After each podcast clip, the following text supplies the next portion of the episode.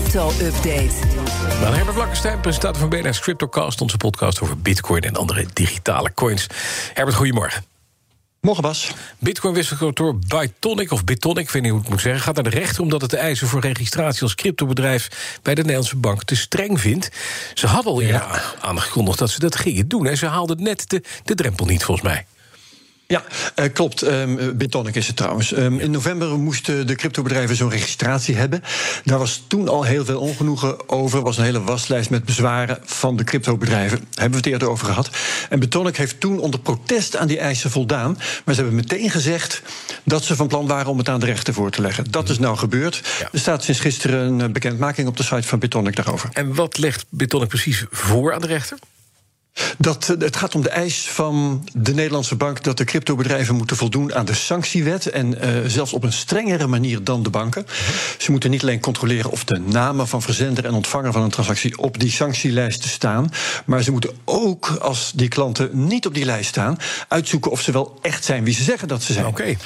En volgens Bitonic is dat in strijd met de privacyregels. En ze willen dat de rechter uitspreekt dat die extra eis vervalt.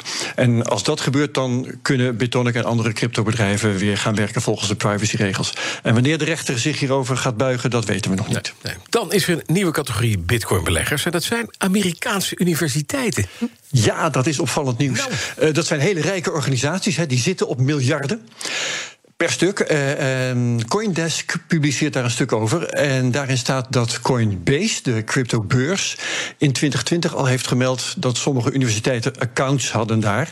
Um, maar nu worden er ook namen genoemd. Het gaat in elk geval om Yale, Harvard en de Universiteit van Michigan en de Brown University. En die bezitten nu dus gewoon crypto's. Hey. Coindesk meldt dat op basis van verschillende bronnen, dus ze weten het zeker. Bedragen uh, zijn niet bekend, maar het gaat zeker wel om kleine percentages van de vermogens van die universiteiten kunnen nog wel steeds miljoenen zijn. Ja, het is, waren die universiteiten niet gewoon ook, ook, ook crypto-schuw, toch? In eerste instantie? Nou, nou lang niet allemaal hoor. Kijk, sommigen natuurlijk wel. De ene is conservatiever dan de ander. Maar in 2018 waren er al een paar universiteiten in Amerika die belegden in cryptofondsen. Dat zijn dus gewoon beleggingsfondsen die geld steken in crypto-startups. En toen ging het onder andere om Harvard, om Stanford en het MIT. En nu lijkt het erop dat nou ja, een aantal van die organisaties intussen aandurven om gewoon Bitcoin zelf of andere crypto te kopen als een maniertje om te sparen. Okay. En ik denk eigenlijk dat we de komende tijd die lijst kunnen uitbreiden met bijvoorbeeld meer universiteiten of wel weer met hele andere categorieën organisaties. Hm.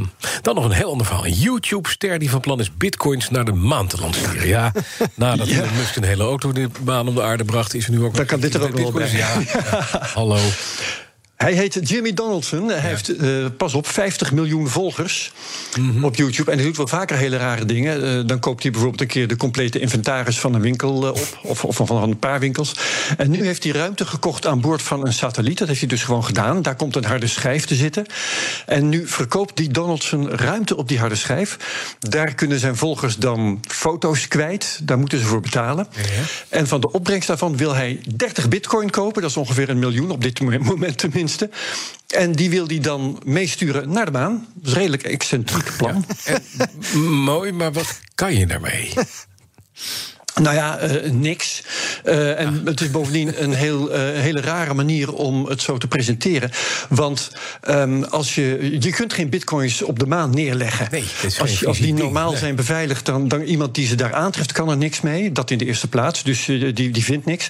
Um, en het is ook onzin om te zeggen dat die bitcoins daar zijn. Want als meneer Jimmy Donaldson de juiste beveiligingswoorden heeft bewaard, ja. dat heet de seed, dan kan hij dezelfde wallet die op de maan ligt op aarde gewoon herstellen. Ja. Dus Bitcoin ja, is informatie en dat heeft geen vaste plek. Dus het hele plannetje is eigenlijk flauwekul. En wij kunnen dus foto's naar de maan sturen. Dat dan weer wel. Ja. Ja, dan moet je dus even naar het YouTube-account of de site van uh, meneer Donaldson. Dan zul je vinden. Ik heb me daar niet in verdiept, omdat dat, dat me niet zo erg interesseert. Nee, nee. Stuur je geld ook naar de maan, letterlijk. Wat zit er deze week ja, in de CryptoCast? Ja. Simon Lelyveld, onze vaste kenner van de financiële regelgeving. En met hem gaan we het zeker hebben over die Betonic-zaak. En over het conflict tussen anti-witwaswet en privacyregels. Daar heeft trouwens de European Data Protection Board kort geleden over gezegd dat de privacyregels zouden moeten prevaleren.